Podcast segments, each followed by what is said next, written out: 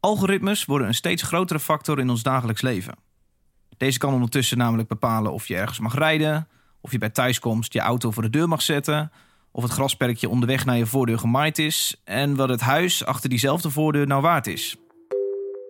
Dat is handig voor gemeenten, alleen al omdat het een hoop werk bespaart voor ambtenaren en dus efficiëntie. Maar dat komt ook omdat wij gewoon zo zuinig mogelijk met ons geld moeten omgaan. De drijfveer van efficiëntie, uh, uh, die is de afgelopen 10, 20 jaar heel sterk geweest. En dat heeft doen leiden tot, tot verdergaand automatiseren. Dit is Rob Haans, een medewerker van de gemeente Nijmegen die ik voor deze aflevering spreek. Rob houdt zich in het dagelijks leven bezig met het automatiseren van besluitvorming voor zijn gemeente. Maar hoe doorzichtig is die besluitvorming nog als hier steeds meer computers aan te pas komen? Als wij geen algoritmes zouden toepassen in het sociaal domein, dan zouden wij binnen onze gemeente 300 juristen aan moeten nemen. Want de wet en regelgeving op het sociaal domein is zo complex. Dat kunnen wij niet zonder algoritmes doen. In besluitvorming bij gemeenten wordt steeds meer geleund op data en algoritmes om keuzes te maken om heel veel redenen een goede ontwikkeling, maar kunnen er ook gevaren ontstaan? Kunnen er ook op gemeentelijk niveau vooroordelen in data sluipen? En hoe goed kan je je als burger verdedigen tegen de anonieme ene en nullen van een computer? Want op papier heeft iedereen dezelfde rechten. Maar hoe ziet de praktijk eruit? Mijn naam is David Achterdemolen en voor het College voor de Rechten van de Mens is dit het vraagstuk. Met in deze aflevering de vraag: Maak een algoritme in het gemeentehuis de dienst uit.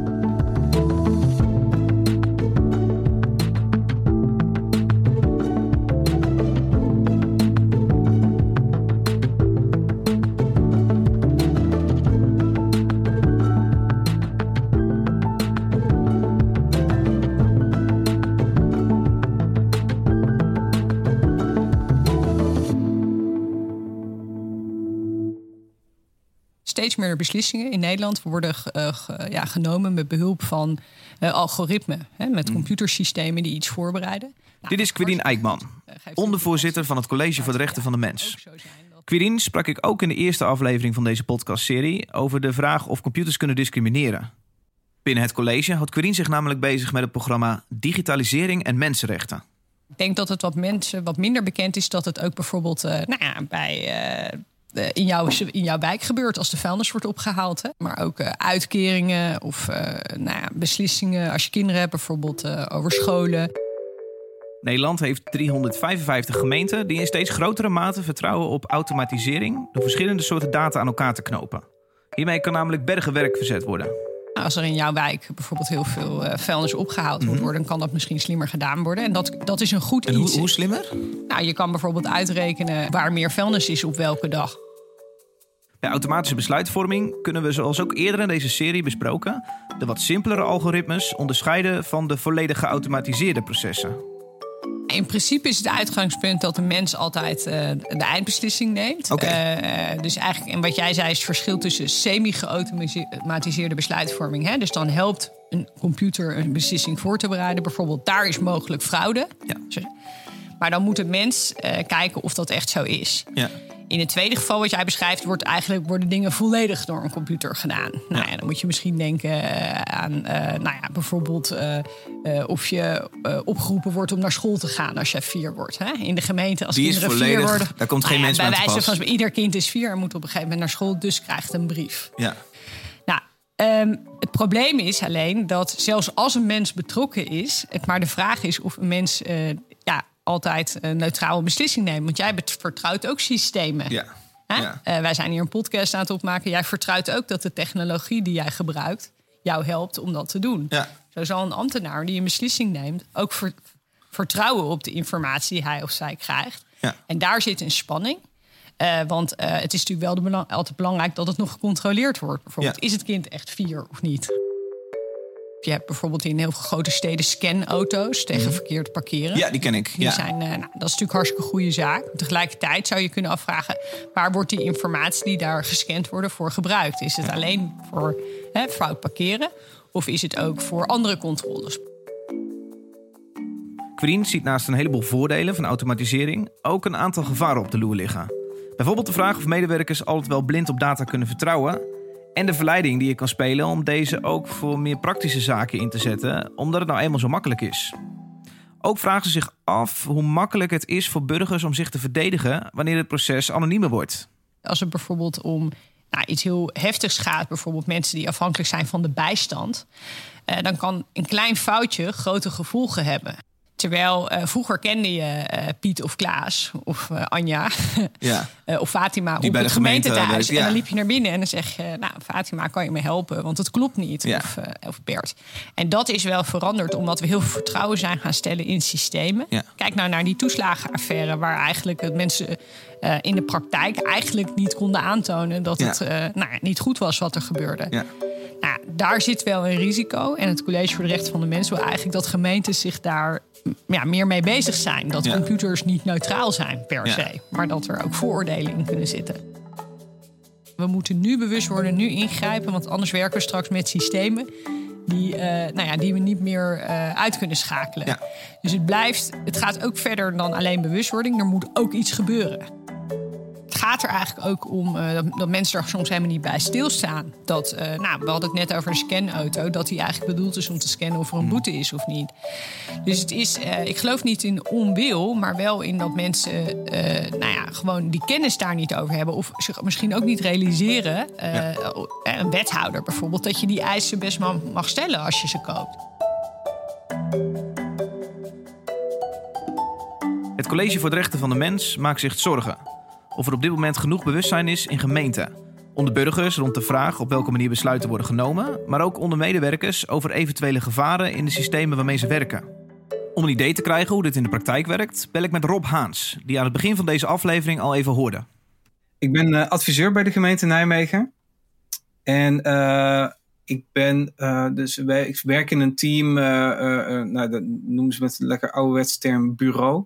Wij zijn een club van 15 adviseurs die projecten leiden of beleid maken uh, uh, of advies geven over de inzet van ICT. En dan zijn we steeds in gesprek met een afdeling die iets wil. Hè, afdeling openbare ruimte of stadsbeheer zoals dat in Nijmegen heet. Of uh, een afdeling zorg en inkomen. En gaan we in gesprek met die afdeling om ook met leveranciers om gezamenlijk dingen te automatiseren. Nijmegen maakt op verschillende manieren gebruik van algoritmes.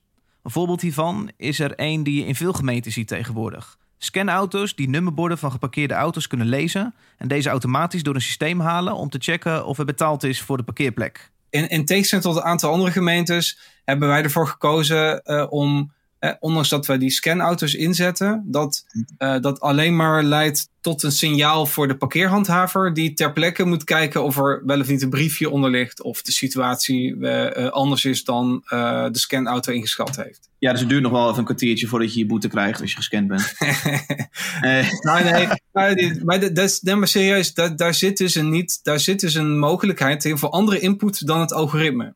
Ja. Nee, omdat die parkeerhandhaver ter plekke kijkt hoe, hoe de situatie is. Een wat futuristischere techniek zijn de passantentellingcamera's. Dat is ontstaan eigenlijk vanuit de, de, de, de behoefte van zowel uh, de stadsbeheer, de openbare ruimteafdeling, als uh, economische zaken, die beter willen weten hoe wij onze binnenstad willen, moeten inrichten. Ja, dus je wil de infrastructuur, je wil weten hoe druk het op sommige momenten is op bepaalde plekken. Ja, ja, ja. ja, dat, uh, en hè, waar, waar ontstaan uh, filevorming, zeg maar. Uh, hè, dat kan ja. leiden tot onveilige situaties. We zaten te kijken naar mogelijkheden om ook onze ondernemers te helpen met, met, met bepaalde informatie. Ja. En de eerste idee waar zij mee kwamen, omdat de markt op dat moment zo was, was wifi-tracking. Daar zijn we hebben onderzocht en toen zeiden we ja, dit is op, eigenlijk op geen enkele manier privacyvriendelijk te maken. Dat uh, dit, deze manier van gegevens verzamelen. Ja, je weet te veel van mensen als je dat gaat doen. Ja, ja, en toen zijn we naar andere oplossingen gaan zoeken. En toen kwamen we uit bij uh, slimme camera's. Die uh, real-time, dus op het apparaat zelf van de camera, camerabeelden omzetten in data. Dus ja. die, die camera's, die, dat is eigenlijk een stukje zelflerende algoritme wat daarin zit. Mhm. Die ziet, hier loopt een persoon voorbij, hier loopt een, uh, uh, hier fiets, een fietser voorbij. Ziet hij warmte of ziet hij gewoon figuren die hij herkent? Figuren. Ja, precies. Dus hij tekent, hij ziet omlijn, hij omlijnt, of die camera omlijnt vormen. En die heeft geleerd dat bepaalde vormen mensen zijn. En hebben jullie het zo gedaan dat je niet die beelden kan kijken of iets weet over die mensen, maar hij zet hem om in data zodat jullie alleen maar eentjes en nullen zien? Ja, ja, eigenlijk puntjes en lijntjes. Waarmee dit systeem eigenlijk een slimme versie is van een telkabel die je op fiets- of autowegen ziet. Je hoeft namelijk alleen maar te weten hoeveel mensen er langskomen, niet wie die mensen zijn. Maar dan kan ik me voorstellen dat met die techniek in huis het een kleine stap is naar handhaving. Van bijvoorbeeld zoiets als een avondklok. Nou, dat was wel, uh, wel interessant inderdaad. Van, uh, daar hebben we het over gehad. Want, we, want het is inderdaad, hebben we die zo ook, zagen we meteen de pot potentieel daarvan. Van, hey, hiermee kunnen we ook zien of de avondklok overtreden wordt. Ja. toch hebben we ons ingehouden om zeg maar meteen real-time de straat op te gaan en mensen te beboeten omdat je ook dan weer uh, uh, zeg maar eigenlijk een soort algoritmisch systeem aan het creëren bent. We willen dit echt als een soort van kennissysteem gebruiken. Ja. Om ons inzicht te verbeteren. Maar niet meteen daar een automatisme van ja, maken. Ik snap die verleiding wel, hè? Ja, dat is, die, is, die, zit er, die zit er gewoon in, die, te die techniek. De mogelijkheden zijn er. En wat we wel doen is dat we uh, de, bijvoorbeeld borden in de binnenstad hebben gezet die uh -huh. adviezen geven aan, aan mensen over vermijd dit deel van de binnenstad, want het is te druk. Die zijn gekoppeld aan de camera's die tellen. Ja. Met alle goede bedoelingen wordt het systeem aangeschaft om meer inzicht te geven in de publiekstromen van de stad. Maar een systeem als dit doet ook een grote beroep op de integriteit van de gemeenteraadsleden. In Nijmegen wordt hiernaast dan ook gesproken over onderwerpen als ethiek en privacy. We hebben een soort manifest opgesteld, open en weerbaar. Dus we willen heel duidelijk kunnen uitleggen wat wij meten wat, welke data we inwinnen in de stad uh, en wat we daarmee doen. Drie, vier jaar geleden hadden we een uh, maand van de slimme stad georganiseerd, waarin we alle nieuwe technieken, een soort showcase, wilden showcase aan de stad en binnen de organisatie. En toen hadden we zoiets van, ja, laten we uh, ook een dag in die, in die uh, maand organiseren rondom privacy en ethiek.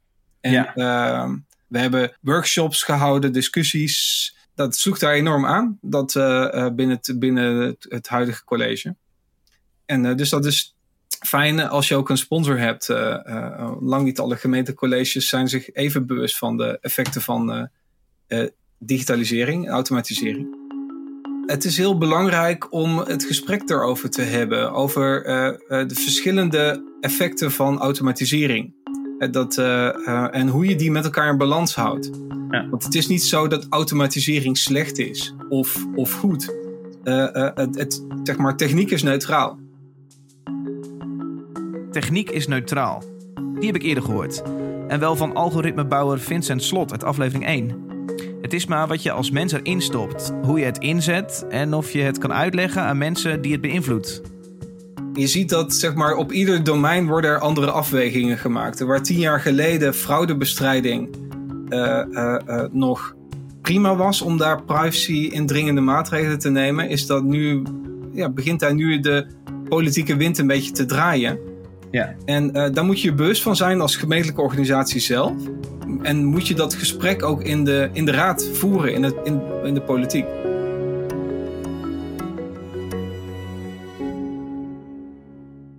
De voorbeelden van Rob in Nijmegen ben ik nieuwsgierig geraakt in hoeveel gemeenten in Nederland nou nog meer gebruik wordt gemaakt van automatische besluitvorming. Ja, ja je kan denk ik zelfs omdraaien. Denken van waar niet. Om meer zicht te krijgen rond dit thema, in combinatie met de vraag of mensenrechtelijke aspecten meegenomen worden, heeft het College voor de Rechten van de Mens onderzoeker en adviseur Marlies van Eck van Hooghiemstra en Partners op pad gestuurd. Ik nodig haar uit in mijn studio in Utrecht en vraag welke systemen ze zoal is tegengekomen in haar onderzoek. Dan kan je al aan hele simpele um, dingen denken. De verkeersbegeleiding. Dus um, zeker uh, in Utrecht uh, word je als automobilist gestuurd. Ga je naar. Uh, wordt ook aangegeven waar de parkeerplaatsen zijn. Of er nog plekken open zijn of niet. En dat gaat ook met algoritme. Andere voorbeelden zijn um, het bepalen van wie uh, krijgt de, de, de, kiezerspas of een stempas. Dan ga je, pak je je database met mensen die bij je in je gemeente ingeschreven staan. Dan heb je een pijldatum. En uh, dan ga je, ja, ga je die mensen een, een, brief sturen. Dat doe je ook niet uh, met de hand. Er zijn ook al gemeenten die doen aan datagedreven vuilnisophaalroutes. Uh, En dan ehm, geeft het systeem aan waar op dat moment uh, waarschijnlijk uh, de meeste vuilnis ligt. En dat wordt dan gebaseerd op scandata. Van auto's die nummerborden scannen bijvoorbeeld? Ja, ja. In haar rapport legt Marlies uit dat er verschillende vormen van data gebruikt zijn om tot handelen te komen. Dat begint simpelweg met het kijken naar data om te weten wat er gaande is. Een verdergaande stap in besluitvorming is dat computers ook ingezet worden om deze data te analyseren. In de meest verregaande vorm van automatische besluitvorming worden algoritmes ingezet om voorspellingen te doen of zelfs automatisch acties te ondernemen. Bij de verkeerslichten hebben we zoiets gezien dat er uh, gebruik wordt gemaakt van, de van, van data uh, over fietsverkeer. wordt gecombineerd met voorspellingen van de KNMI. En dat dan, uh, als, als het regent, dat dan de fietsers voorrang krijgen in het verkeer. Ja. Nou, dat kan het systeem natuurlijk prima zelf regelen. Al gaat vol automatische besluitvorming ook wel eens mis. Een scooterrijder in Amsterdam die rijdt onder het uh, Rijksmuseum door. Ja. Dat mag niet. Oh. Um, dan, heeft, uh, dan staan de ANPR-camera's. Dat zijn camera's die herkennen het, uh, het, plaatje. En aan de hand daarvan detecteert het systeem dat er een overtreding plaatsvindt. Nou ja, en dan gaat, die, gaat die computer natuurlijk aan de slag. En die pakt daar de gegevens bij van de persoon. En dan krijg je een boete thuis. Dat is op zich allemaal prima. Maar er was een meneer en die was gewoon die dag heel erg actief. En die reed vier keer heen en vier keer terug. En die kreeg acht boetes. Ja. Um, en dat krijg je natuurlijk niet, niet lik op stuk. Hè. Het is anders dan vroeger, waarbij je natuurlijk werd aangesproken van hé, hey, je mag hier niet rijden. Kan je direct je gedrag aanpassen. Nu moet je voorstellen dat je na twee weken of zo krijg je ineens acht enveloppen Shit. door de bus. Ja. En uh, deze meneer die zei: Ja, ik wil best wel een boete betalen. Want ik erken wel dat het dan, hè, dan heb ik kennelijk iets gedaan wat niet mocht. Maar ik wil geen acht boetes betalen. Nee. Een licht en misschien nog enigszins onschuldig voorbeeld.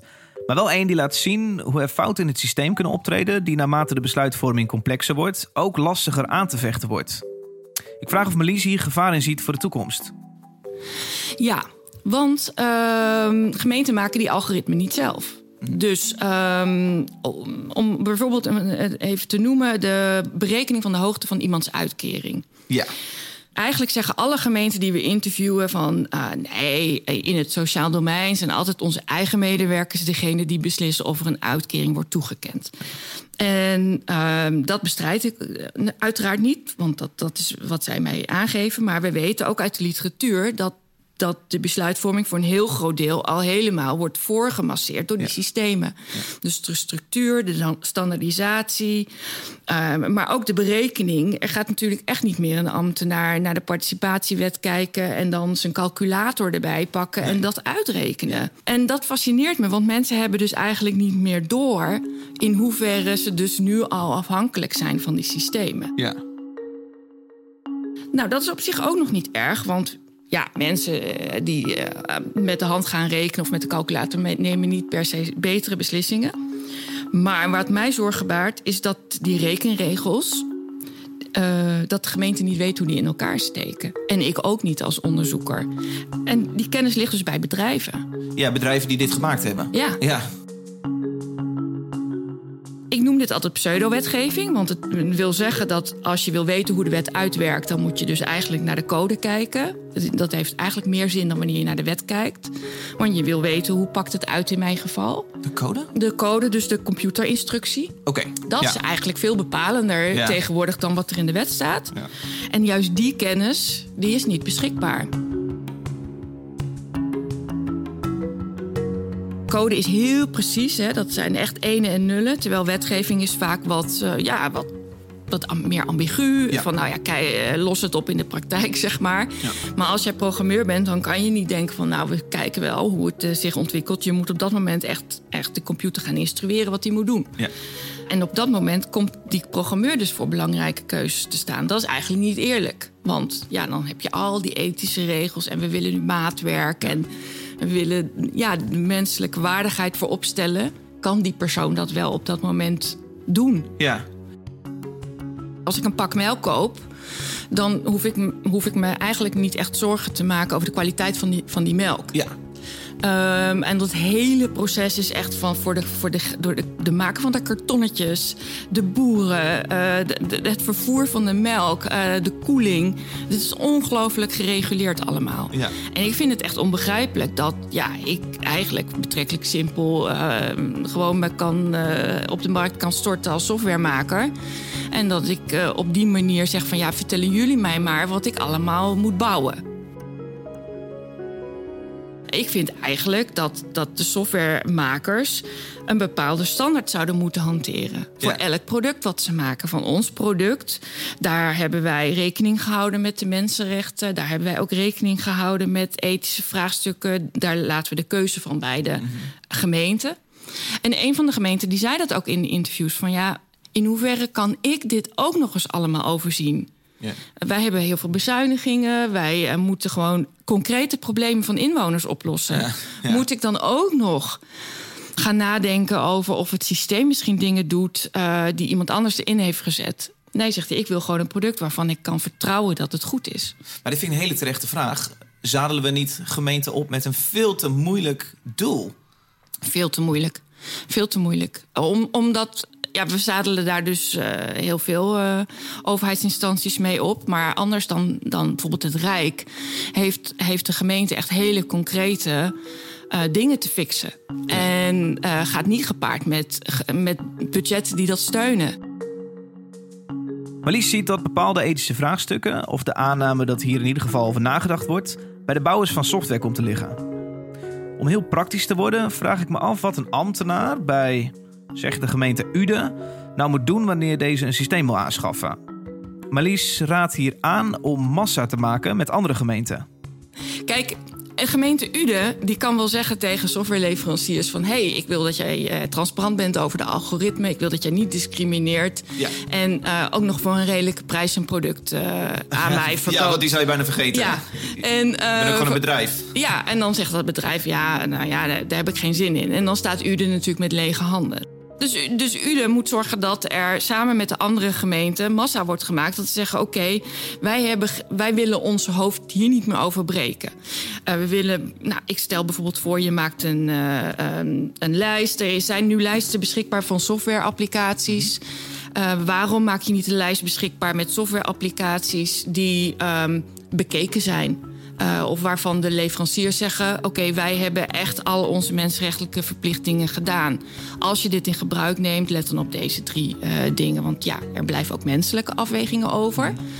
En op, op die manier, dus als aan de ene kant de vraagkant verandert, dus dat u dus zegt: we willen dit, pro- dit product gewoon niet meer kopen, want dit is voor ons veel te risicovol. Ja. En als aan de andere kant de bedrijven zich zo ontwikkelen dat ze zeggen: van nou ja, je kunt gerust ons product gebruiken, wij staan ervoor in dat het aan die en die dingen voldoet. Maar ik denk dat die markt niet gaat bewegen als alleen de gemeente Uden dit gaat vragen. Ja. Dus daarom denk ik dat er Massa gemaakt moet worden. Ik zou vooral ook de, de leveranciers oproepen om daar zelf mee te gaan beginnen. Zelfregulering te doen. Net zoals vroeger de gildes. Dat ze op een gegeven moment zeiden: hé, hey, wat komen er voor beunhazen Ja. hier eh, zeggen dat ze ook een kleermaker zijn. Laten we met elkaar een standaard afspreken. Ja, waarom is die standaard er niet? Waarom wordt het niet een soort ja, extra waarde om eh, te leveren aan je dienstverlening? Ook heel belangrijk dat ambtenaren die in de uitvoering zitten zich bewust ervan zijn dat dingen op papier kunnen kloppen. Hè? Of de data kan kloppen, maar Ja. dat het in de praktijk anders is. En die ambtenaren moeten de vrijheid hebben om dat te corrigeren. Ja. Of jij en ik als burger moeten kunnen zeggen dat klopt niet. Ik denk dat echt de eerste stap transparantie is. En dat is echt best wel een, een, een, nou, ik denk een hartstikke goed voorbeeld ervan. Van wat doet de gemeente nou eigenlijk? Dat is toch eigenlijk de basis van, eh, van de lokale democratie, zou je eigenlijk kunnen Ja. zeggen. Ja. Dus het begint ook bij vragen stellen in de gemeenteraad, maar het begint ook bij die bewustwording. En dat is echt al een eerste stap. En dat klinkt heel erg eh, misschien een beetje abstract. En toch begint het daar. Want het begint bij het systeem wat geprogrammeerd is en wat eruit komt. En daar moet wel meer bekend over zijn.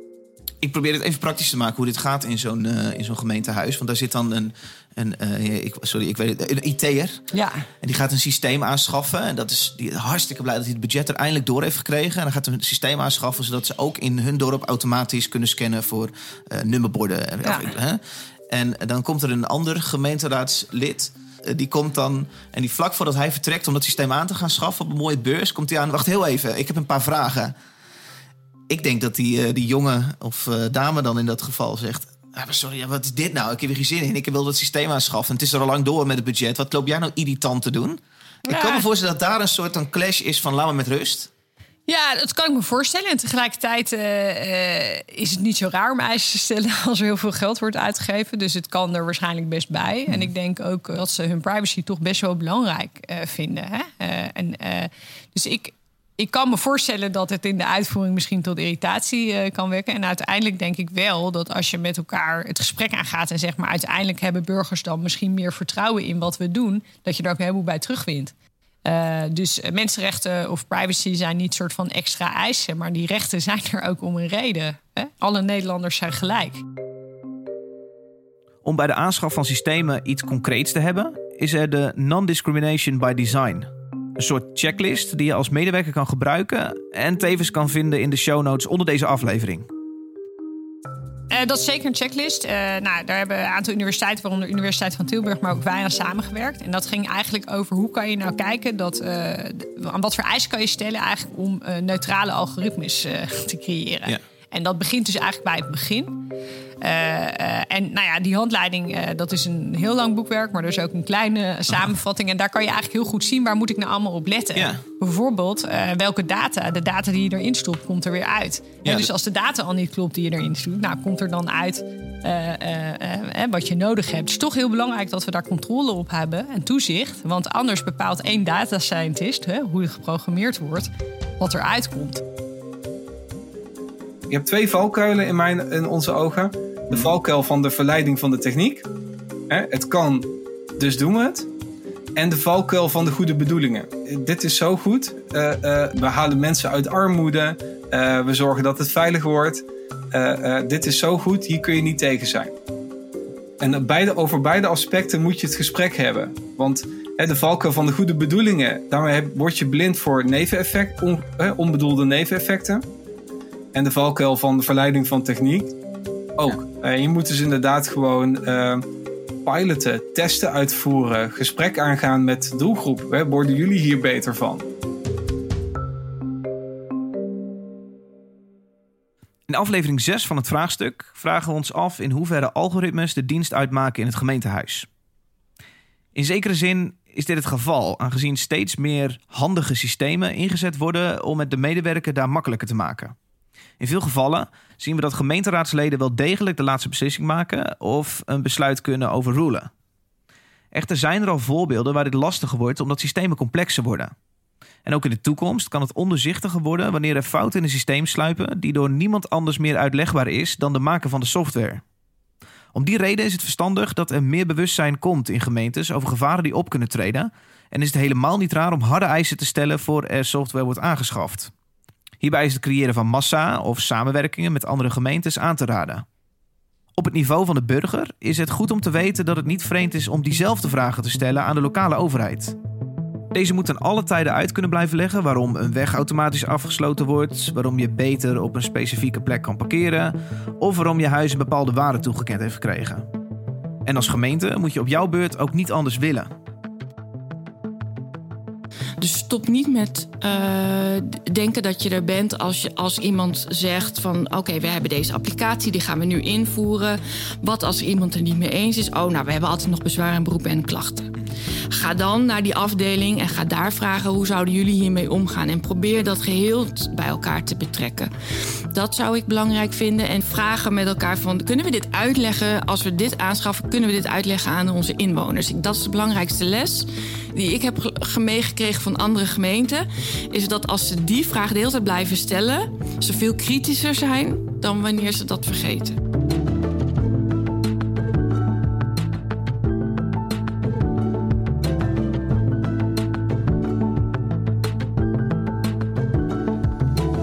Het vraagstuk is een productie van het podcastkantoor en wordt gepresenteerd door mij, David Achter de. De redactie voor deze aflevering lag in handen van Lis van Velzen. Vond je dit een interessant verhaal? Abonneer je dan op de plek waar je de podcast luistert om ook volgende maand een nieuwe aflevering van het vraagstuk op je telefoon te krijgen. Als je de show leuk vindt, zou je als dank een goede review achter kunnen laten zodat meer mensen van de podcast horen.